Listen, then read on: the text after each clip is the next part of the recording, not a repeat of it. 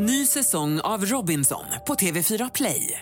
Hetta, storm, hunger. Det har hela tiden varit en kamp. Nu är det blod och tårar. Fan händer just nu. Det. Detta är inte okej. Robinson 2024, nu fucking kör vi! Streama söndag på TV4 Play. Podplay.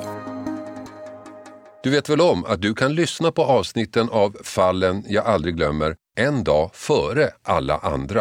Redan på torsdagar kan du lyssna på podden på podplay.se eller i appen Podplay. Och naturligtvis är det gratis. Det jag reagerade för i det här läget det var att det var ovanligt rått. Eh, det var väldigt grovt språkbruk mot den här tjejen och eh, hotfullt om hon då inte skickade mer bilder. Eh, och- om hon inte gjorde det så skulle han, ja det var ju underförstådda hot då att han skulle söka upp henne. Huvudregeln är ju, de spår som är avsatta omedvetet av gärningsmannen vid brottstillfället, det är de spåren vi vill ha, inga andra. Jag tror att det här är den gången som jag har fått mest puls. När vi ser att den här mannen kommer emot oss. Varför göras ett sånt enormt besvär för att bli av med kroppen? Det här är ju någonting som man aldrig liksom kan glömma. Ska jag vara ärlig så bondas jag fortfarande över det här.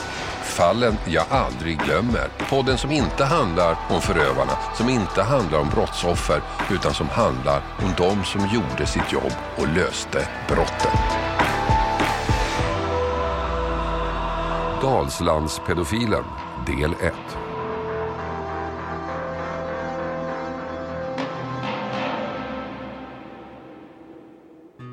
Innan vi börjar så vill jag varna för att det kommer att förekomma upprörande detaljer i den här historien. Ni kommer att få höra vidriga saker.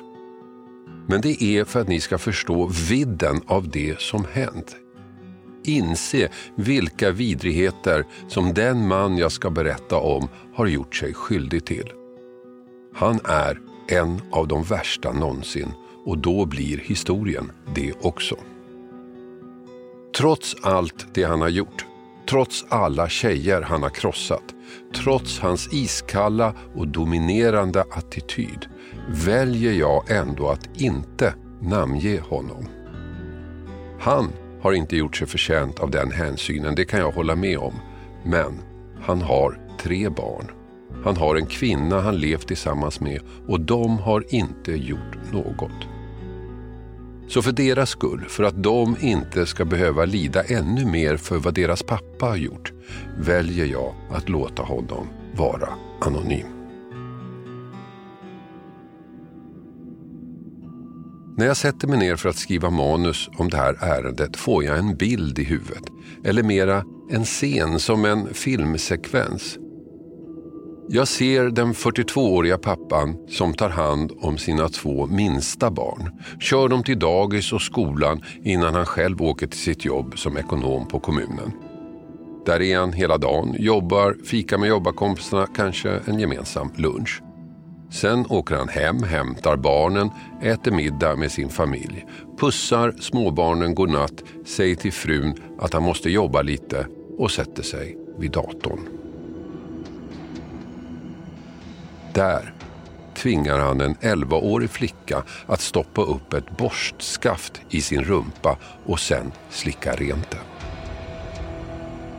Och det är inte bara henne. Han tvingar många unga tjejer att göra de mest vidriga saker. I början är han trevlig och till slut så skickar någon en nakenbild till honom och då är de fast. Han hotar att sprida bilderna om tjejerna inte gör som han säger och för varje ny bild han får så stärks hans makt. Så där sitter han på kvällen och begår det mest vidriga brott. Och nästa morgon tar han sina egna barn till förskolan och skolan igen, eller? Jag får inte ihop den där bilden. Vem är han? En småbarnsfar eller en pedofil? Kan han vara båda? Kan han stänga in den ena och släppa fram den andra och sen tvärtom?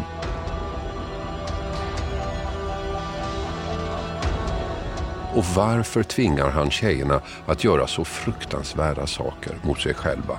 Han går igång på att förnedra dem. Men när han ser sin egen dotter i ögonen, vad ser han då?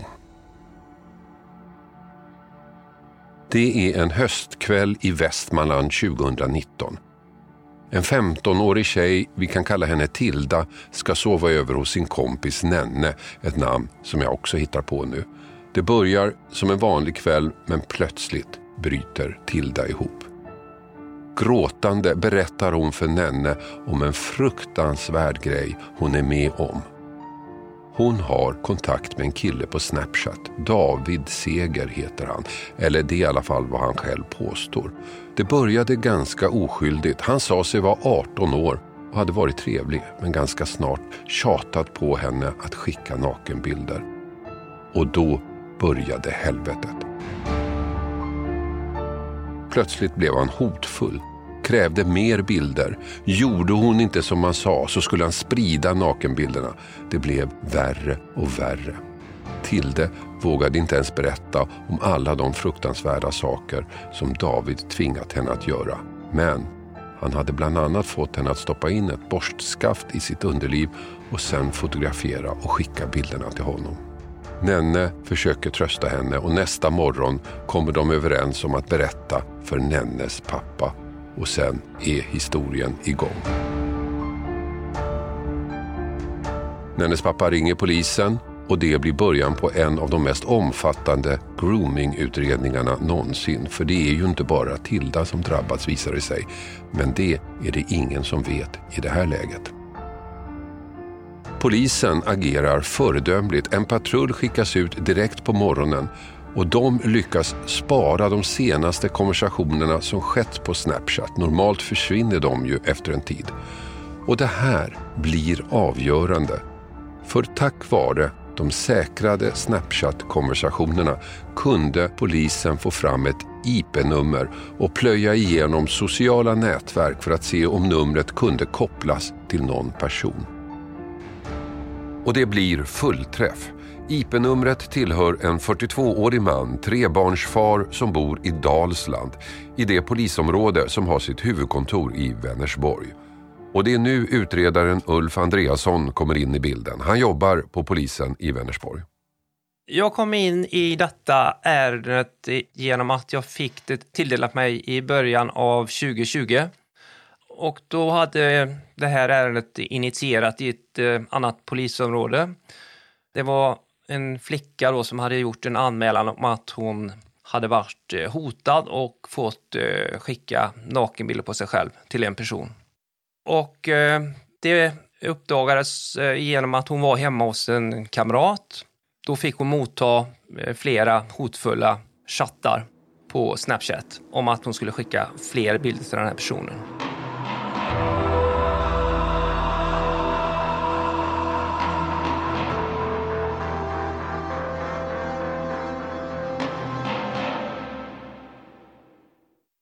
Den här veckan har vi ett betalt samarbete med Hello Fresh. Världens ledande leverantör av matkassar hem till dig. Kassar som ger dig en enklare vardag och massa matglädje på det. Nu kan du som lyssnar få extra bra pris. Med koden FRESHFALLEN kan du få upp till 1359 kronors rabatt. Jag har testat flera matkassar och det är två saker som jag tycker gör Hello Fresh extra bra. Dels förstås att jag slipper planera mat varje dag. Menyerna finns redan där. Men också för att man får precis den mängd ingredienser man behöver. Det blir inte massa saker över i skafferiet. Inget matsvinn, inga bortslösade pengar. Och sen får man ju matglädje förstås, koll på budgeten och enklare vardag. Och också möjligheten att testa nya smaker med recept från hela världen. Allt är väldigt enkelt att laga, instruktionerna är glasklara. Så vill du få en enklare vardag, minska matsvinnet och testa nya spännande smaker. Gå in då på hellofresh.se och använd koden FRESHFALLEN. Den ger dig upp till 1359 kronors rabatt på dina fem första kassar plus fri frakt på första matkassen om du inte provat HelloFresh förut. Har du varit kund tidigare kan du också använda koden om du avslutat ditt abonnemang för 12 månader sedan eller längre. Tack HelloFresh! Den här veckan har vi ett betalt samarbete med Tre, ni vet teleoperatören. Den jag själv har faktiskt och är väldigt nöjd med. Men det är många som tror att Tre inte har särskilt hög täckningsgrad, vilket är fel. Och så är det ju faktiskt med mycket vi tror oss veta, att det vi tror är sant kan vara falskt och det vi tror är falskt kan visa sig vara sant. Jag hade faktiskt ett telefonsamtal med en kompis för inte så länge sedan, via tre då förstås, och vi snackade om myter. Och jag tycker mig ha koll på sånt, vad som är sant och vad som är falskt. Men det är inte alltid så lätt. Till exempel berättade min kompis, ni vet om myten att svalor flyger lägre när det ska bli dåligt väder. Falskt sa jag, men det visade sig vara helt sant. Och så det här att man, om man duschar varmt på sommaren så blir man svalare. Det trodde jag inte heller på, men det visade sig också vara sant. Så det blev lite en aha-upplevelse för mig. Men så pratar vi om vår gemensamma operatör. Ja, de har ju väldigt bra täckning, sa han. Och där visste jag att han har rätt. Han visste att tre har byggt ut och nu har väldigt stor täckning. Men det är inte alla som vet. Och ibland är det inte riktigt som man tror. Sanningen är att tre nu täcker otroliga 99,3 procent av Sveriges befolkning och det avser rösttäckning baserat på folkbokföringsadress. Så läs mer på 3.se om hur de bygger ut sitt nät och täckning. Tack 3. Poddtips från Podplay. I podden Något Kaiko garanterar östgötarna Brutti och jag, Davva, dig en stor dos skratt. Där följer jag pladask för köttätandet igen. Man är lite som en jävla vampyr. Man har fått lite blodsmak och då måste man ha mer. Udda spaningar, fängslande anekdoter och en och annan arg rant. Jag måste ha mitt kaffe på morgonen för annars är jag ingen trevlig människa. Då är du ingen trevlig människa, punkt. Något Kaiko, hör du på Podplay. Därför är gardinerna. Och redan nu, i det här tidiga läget, kopplas en åklagare in. Det blir Eva Jonsson, vice chefsåklagare med placering i Uddevalla. Jag fick ta över ärendet från en yngre kollega som hade lite mycket att göra. Så jag fick, hon behövde hjälp och då så tog jag över FL-ledarskapet. Så att då hamnade det på mitt bord i mitten på april förra året. Jag har jobbat länge med den här typen av ärenden också så att därför eh, gjorde vi bedömningen att det var lämpligt att jag tog över det. Vad fick du veta då, då när du kom in i ärendet? Hur såg det ut då? Alltså ingångsvärdet var ju att det var en man som hade, var misstänkt för att han helt enkelt kontaktade barn på nätet och eh, förmådde dem att utföra sexuella handlingar på sig själv. Då hade vi bara ett ärende som ingångsvärde och eh, det vi vet erfarenhetsmässigt är ju att vi tar ju alltid telefoner och datorer beslag i sådana här, för vi vet att de ofta har kontakt med fler. Men däremot hade vi ju ingen föraning om att det här ärendet skulle utvecklas till det som det blev senare då, att det skulle bli så pass grova saker som vi skulle få fram. Det visste vi ju ingenting om inledningsvis utan det, det fick vi ju klart för oss först när vi hade beslagtagit hans telefoner och fann det här materialet. Då. Vad visste du om honom? Vad fick du för bild av honom då innan han greps? Det var en trebarnspappa som jobbade som eh, kommunal tjänsteman i en kommun i vårt område. Han var tidigare ostraffad. Det fanns ingenting utåt sett eh, som gjorde att det fanns några misstankar mot honom i övrigt. Han har inte förekommit tidigare i någon, några sådana här utredningar som vi har haft eller så. Så att inledningsvis visste vi ju inte så mycket om honom mer än det att det var en, utåt sett en normal man helt enkelt. Än så länge är det Tilda varit med om det enda ärende som polisen utreder. Och när Ulf Andreasson får ärendet så blir den första uppgiften att dubbelkolla och trippelkolla. Är det verkligen rätt person man har namn på? Jag fick fram att det var en person som jobbade i kommunal förvaltning och eh, hade familj med tre barn, ägde ett hus. På ytan då såg ut att vara en normal person. Det här var ingen som ni hade haft kontakt med tidigare inom polisen? Nej, inte på något sätt. Blev du förvånad över det? Eller? Ja, eh, det fanns eh, bitar som gjorde att man blev något förvånad. Sen är det så här att i det här stadiet så gäller det att undersöka så att inte det finns några felkällor här, att allting stämmer. Och eh, det var ju så att det var ju ett IP-nummer som hade spårats och lett fram till den här adressen. Och eh, vi hittade inga frågetecken utan allting stämde så gott vi kunde kontrollera. Allt stämmer. Så en tidig morgon den 23 april slår man till.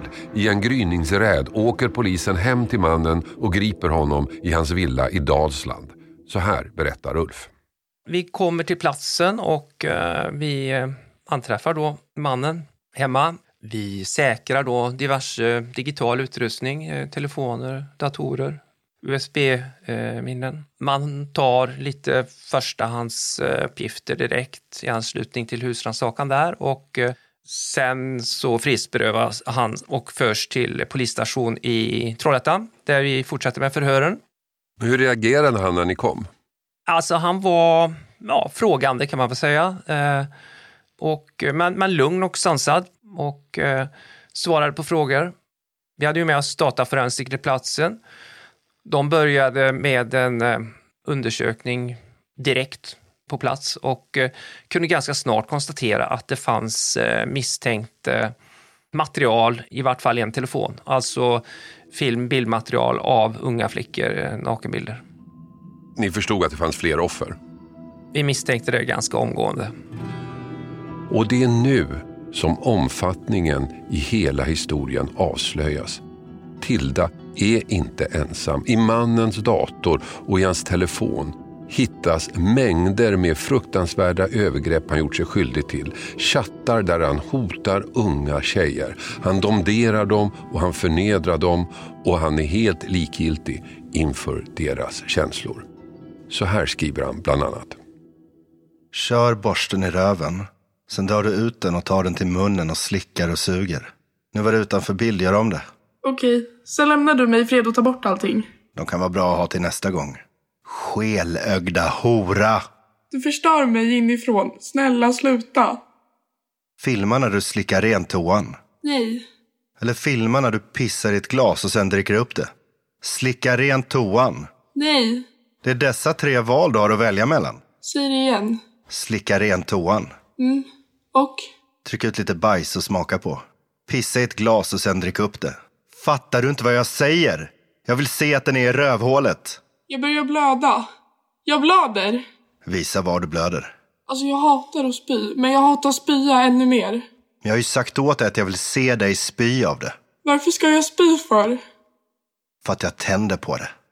Ulf Andreasson igen. Det jag reagerade för i det här läget det var att det var, det var ovanligt rått. Eh, det var väldigt grovt språkbruk mot den här tjejen och eh, hotfullt eh, om hon då inte skickade mer bilder. Hon hade ju blockat honom i första läget, men då sökte han upp henne på Instagram och krävde då att hon skulle skicka mer filmer. Och om hon inte gjorde det så skulle han, ja, det var ju underförståtta hot och att han skulle söka upp henne. Så de finns där, i mannens dator, i hans telefon, offren, de andra tjejerna som utsatts för hans hänsynslösa angrepp. Och det står nu klart att det här är ett av de värsta fallen någonsin. Och den utredning som nu dras igång blir en av de största någonsin när det gäller den här typen av brott. Det är ju så att vi har haft ett team som har jobbat med det här så att eh, det är ju ingalunda bara jag som har och forensiker utan vi har ju haft olika ansvarsområden och eh, jag har haft det övergripande ansvaret och kontakt med åklagare och som har varit FU-ledare.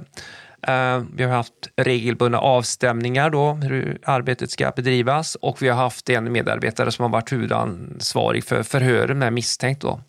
Eh, där har jag också varit med en del. Så vi har haft olika ansvarsområden kan man säga och en IT-forensiker som har varit knuten till ärendet hela tiden. Och det är ju en, kan man säga, organisation som tilltalar mig och, och, och jobba i team. Man drar så att säga gemensamt framåt.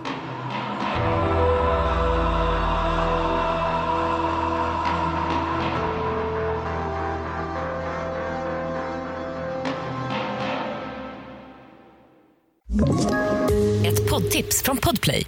I podden Något Kaiko garanterar östgötarna Brutti och jag, Davva, dig en stor dos skratt. Där följer jag pladask för köttätandet igen. Man är lite som en jävla vampyr. Man har fått lite blodsmak och då måste man ha mer. Udda spaningar, fängslande anekdoter och en och annan arg rant. Jag måste ha mitt kaffe på morgonen för annars är jag ingen trevlig människa. Då är du ingen trevlig människa, punkt. Något Kaiko, hör du på Podplay. Därför är gardinerna. Svårigheten nu var att hitta tjejerna. De hade agerat under olika användarnamn. IT-teknikerna dammsög nätet. Hade någon av dem använt sitt användarnamn i andra sammanhang där de kunde spåras? Vart ledde IP-numren? Fanns det andra ledtrådar? Kunde man till exempel känna igen deras ansikten på andras sidor utifrån de bilder polisen hade? Först hittade utredarna sju stycken tjejer mellan 13 och 17 år vid tiden för övergreppen. Och de kunde alla berätta samma historia, hur de kommit i kontakt med trebarnspappan som använt sig av olika alias och som på ett eller annat sätt lyckas få tjejerna att skicka någon nakenbild och sen hotat dem att sprida bilden om de inte gjorde som han sa. Penetrera sig med olika föremål, dricka urin, äta avföring, stoppa två fingrar i halsen och kräkas. Allt skulle filmas och filmerna skickas till honom. För varje film, för varje bild ökade hans makt. Själv var han helt likgiltig inför flickornas reaktioner. En av dem sa att hon tänkte ta livet av sig. Bla, bla, bla, var hans svar. Så där satt han alltså framför sin dator och krossade livet för unga tjejer. Många av dem sköra och problemfyllda redan innan han kom in i deras liv. Kanske precis efter att han sagt godnatt till sina egna barn eller kramat om sin sambo. En efter en blev tjejerna förhörda, en efter en kunde de fylla på med vidrigheter som mannen gjort. Så här säger Ulf Andreasson. Det är ett ärende som jag aldrig kommer att glömma. Det tror jag alla som har jobbat med det håller med mig om. De bilder och eh, filmmaterial som vi har fått ta del av, det, det sitter kvar på näthinnan, det kan jag försäkra er om. Och eh, det sticker ut, verkligen. Hur har ni som team då reagerat på det ni har fått fram? Vi har ju eh, suttit och pratat och, och, och vänt och ventilerat på mycket av det här som vi har fått ta del av. Och eh, det, det, är ju saker som gör att man, eh, det är inte bara att skaka av sig när man går hem, det kan jag säga. Man vet ju att de här eh, unga brottsoffren, de har ju varit otroligt ensamma i detta de har utsatts för. Och eh, det måste ha varit eh, jäkligt tungt att bära på alltså. Det finns ingen som går eh, oberörd ut, eh, efter att ta del av det här, det kan jag säga. Det var ett av offren som stack ut. Dels för att hon inte kunde spåras, men framför allt för att hon såg så ung ut på bilderna i mannens telefon. Hur IT-teknikerna än försökte gick de bet. Flickan gick inte att spåra. Men en av teknikerna gav sig sjutton på att hon skulle spåras. Och efter några dagar trodde man sig fått napp. Men det var fel tjej. Någonstans i spårningen hade det lätt snett. Men utredaren gav sig inte. Sökandet fortsatte och till slut kom man rätt. Och det visade sig att oron var berättigad. Hon var verkligen väldigt ung. Till och med yngre än utredarna trott. Hon var bara 11 år. Eva Jonsson igen. Det är en 11-årig flicka som, liksom många andra av de flickor som finns i det här materialet, så kommer hon ju från en bakgrund där det finns omsorgssvikt, eh, hon har diagnoser, eh, inte en stabil familjekonstellation runt sig på det sättet. Har en del problematik sedan innan och eh, hon får ju då kontakt med honom via nätet och det går väldigt snabbt för honom att förmå henne att börja skicka bilder och filmer och när hon väl har gjort det så hotar han ju henne att sprida det här till kompisar och andra och hon är då ett barn som har varit utsatt för mobbing och annat. Så hon är livrädd för att det här ska komma ut och för att han ska göra saker med, mot hennes lilla syster och så vidare. Och det leder ju till att hon då förmås att göra värre och värre saker eh, och skicka det till honom då. Där satt hon alltså, 11 år gammal med en polis framför sig och måste berätta om de äckliga saker mannen hade tvingat henne att göra. Saker som hon faktiskt gjort. Och nu frågade polisen och hon sitter där med sin ångest, med sitt självförakt. Och jag kan säga att vi var väldigt, väldigt oroliga. Vi är väldigt glada att vi fick identifiera den här flickan för vi var väldigt oroliga för hon skulle ha tagit livet av sig eh, med hänsyn till det hon hade varit med om. Och när vi väl fick henne identifierad så visade det sig också att hon hade haft och har självmordstankar med hänsyn till det hon har varit med om. Så eh, på det sättet så var det ju bra att vi hittade henne så att hon kan få hjälp och stöd. Sammanlagt lyckades spaningsgruppen identifiera åtta flickor vars berättelser skulle till domstol. Och åtalspunkterna var i huvudsak två för trebarnspappan. Grovt utnyttjande av barn för sexuell posering och grovt olaga tvång för att ha tvingat tjejerna slicka toaletten, dricka urin, kräkas och andra saker. Men det slutade inte där. För i utredningen dök ytterligare ett övergrepp upp, eller rättare sagt två. Och nu var det inte längre på distans. Nu handlade det inte om att filma sig själv. Nej, nu var det en reell våldtäkt, ett fysiskt övergrepp.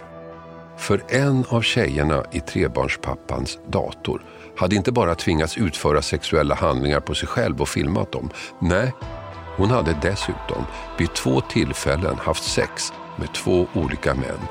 Män som trebarnspappan skickat till henne med uppmaningen att tillfredsställa dem, filma alltihop och skicka filmerna till honom. Mer om det i del två av Dalslands pedofilen.